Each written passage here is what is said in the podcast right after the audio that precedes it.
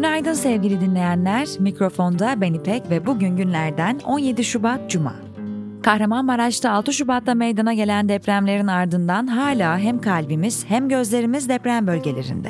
Bir yandan bölgeden gelen haberleri derlemeye çalışırken bir yandan da iyi dileklerimizi ve dualarımızı sürdürüyoruz. Bu süreçte bölgeye gidecek yardımların devam etmesini istiyor ve destekliyoruz. Yardımlara destek vermek isteyen okurlarımız ve dinleyenlerimiz için bir gönüllülük rehberi hazırladık.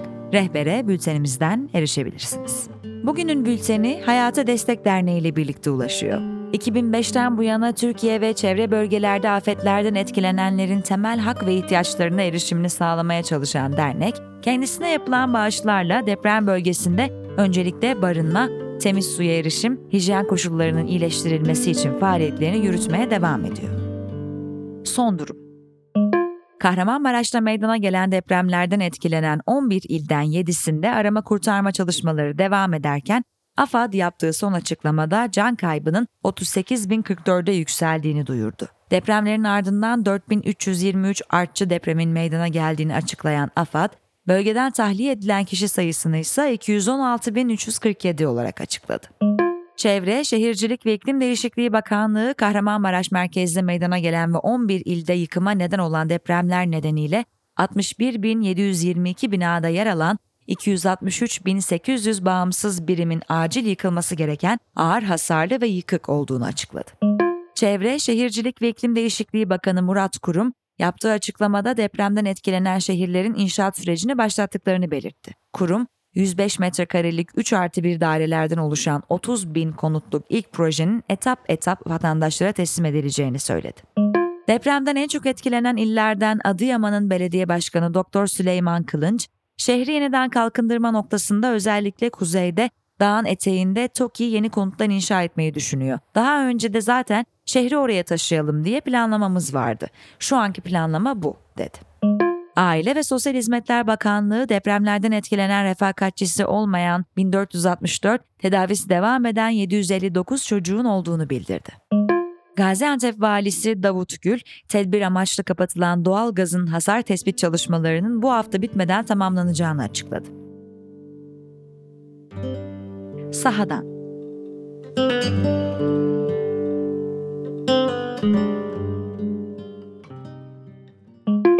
Uçan Süpürge Vakfı Yerel Kadın Muhabirler Ağı'ndan muhabirler Alisa Çiçek Akyol, Ceren Kurt, Deniz Yılmaz, Evrim Deniz, Gül Yalçın, Özlem Kadıköylü, Şeyma Muniz, Zeynep Gazi deprem bölgelerinde arama kurtarma çalışmalarını takip etti. Bölgeden bilgi aldığımız muhabirlerin anlattıklarına bültenimizden ulaşabilirsiniz. Ekonomi ve Finans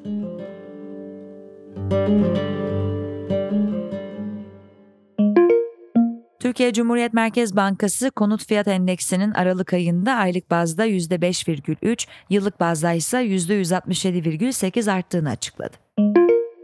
Türkiye Cumhuriyet Merkez Bankası toplam rezervleri 10 Şubat'ta sona eren haftada 3,9 milyar dolar azalışla 125,6 milyar dolar seviyesine geriledi. Aynı haftada Türkiye Cumhuriyet Merkez Bankası net rezervleri ise aynı haftada 2,7 milyar dolar azalışla 24,4 milyar dolar seviyesinde gerçekleşti.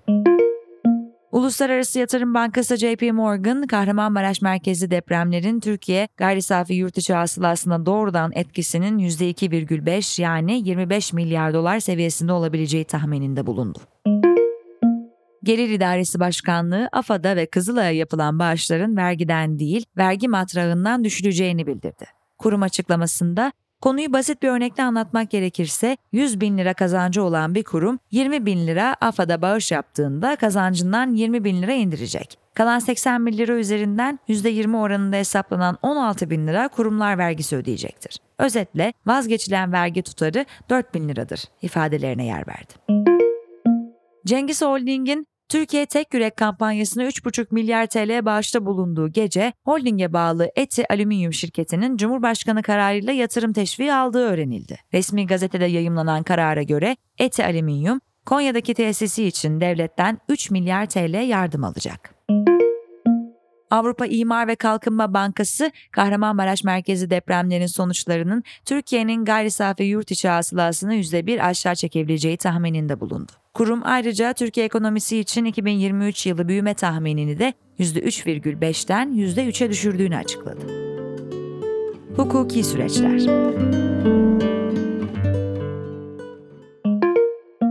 Adalet Bakanlığı deprem nedeniyle yıkılan veya acil yıkılması gereken ağır hasarlı binalarda delil toplanmasında başvurulacak. Bilirkişi kılavuzunu hazırladı. Bilirkişi raporlarının eksiksiz tamamlanmasına yardımcı olması için tamamlanan kılavuz, hasarlı binaların konumu, yaşı, nizamları ve taşıyıcı sistemleri ile ilgili bilgi toplanmasını gerektiriyor. Osmaniye'de yardım kampanyasında görevli 10 TKP üyesi AFAD malzemelerinin çalındığı iddiasıyla gözaltına alındı. Diyarbakır Cumhuriyet Başsavcılığı'nın depremde yıkılan binalarla ilgili yapım kusurları ve kolon kesme iddialarına ilişkin başlattığı soruşturmada 39 şüpheli adliyeye sevk edildi. 15'i olası kasla öldürmek suçundan tutuklanırken 22'si adli kontrol tedbirleri olmak üzere 24 kişi serbest bırakıldı. Firari olan 6 şüpheli içinse çalışmalar devam ediyor. Öte yandan Diyarbakır'da yıkılan binalarla ilgili yapım kusurları ve kolon kesme iddialarına ilişkin soruşturma kapsamında haklarında yakalama kararı çıkarılan müteahhitler Celal İlkören ve Halil İpek'in enkaz altında kalarak yaşamını yitirdiği tespit edildi. Adana'da deprem nedeniyle yıkılan binalarla ilgili başlatılan soruşturma kapsamında gözaltına alınan 15 şüpheliden 5'i tutuklandı. Kahramanmaraş'ta deprem nedeniyle yıkılan binalarla ilgili yürütülen soruşturmada hakkında yakalama emri verilen müteahhit Mesut Başkır, Muğla Marmaris'te tekneyle yurt dışına kaçmaya çalışırken yakalandı. Adalet Bakanlığı Avrupa İnsan Hakları Mahkemesi'ne gönderdiği mektupta Türkiye'de depremden etkilenmiş kişilerin mağduriyet yaşamaması için Avrupa İnsan Hakları Mahkemesi'nin başvuru sürelerini askıya almasını istedi. Açıklamalar Türk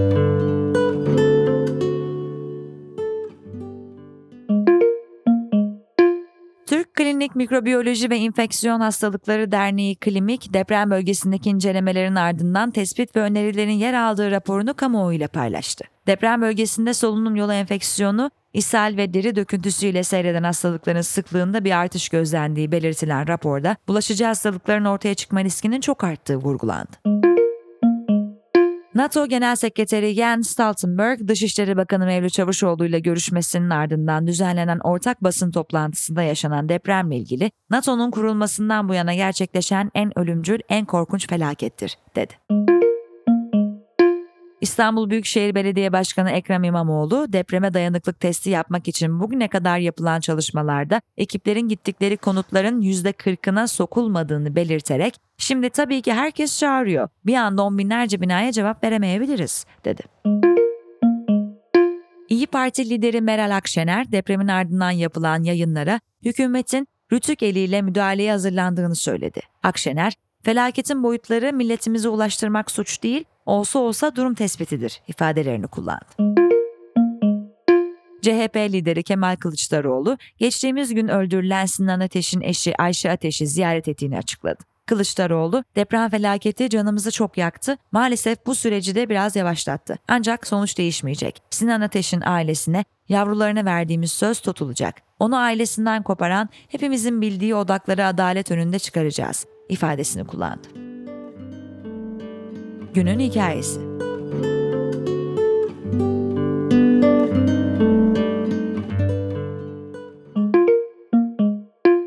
Deprem bölgesi, kadınlar ve çocukların son durumu ne? Neler yapabiliriz? Sevgili Ceren Kurt ve İlkim Emirler sizler için kaleme aldı. Kahramanmaraş'ta meydana gelen 7.7 ve 7.6 büyüklüğündeki depremlerin ardından etkilenen 10 ilde halk dayanışması ve desteğiyle depremzedelere yönelik çalışmalar devam ediyor. Arama kurtarma ve enkaz kaldırma çalışmalarının da devam ettiği bölgede depremzedelere yardımlar da sürüyor. Büyük çoğunluğu şehirleri terk ederken bölgede kalan depremzedeler için de çadır ve konteyner kentler kuruldu. Deprem bölgesinde halk dayanışmasının organize olduğu birçok dernek, STK, vakıf ve koalisyon bulunuyor. İhtiyaçlara göre organize olan bu kurumlar depremzedelere neredeyse her alanda destek vermeye çalışıyor. Sahadaki kadın dernekleri de depremzede kadınlara ve çocuklara ihtiyaçları konusunda destek veriyor. Geçtiğimiz günlerde kadın dernekleri ve STK'larıyla bir dayanışma toplantısı düzenledi. Toplantıda kısa vadeli çalışmaların yanında orta ve uzun vadede gerçekleştirilebilecek çalışmalara ilişkin de konuşuldu. Toplantıya katılan birçok kurum sahadaki deneyim ve gözlemlerini de paylaştı. Günün hikayesinin devamı bültende. Evet sevgili dinleyenler, bugünün bülteni Hayata Destek Derneği ile birlikte ulaştı. En güncel gelişmelerle sizlerle olmaya devam edeceğiz. Yarın Cumartesi radyomuzla Yakup sizlerle olacak. Mikrofonda ben İpek. Tekrar görüşünceye dek hoşçakalın.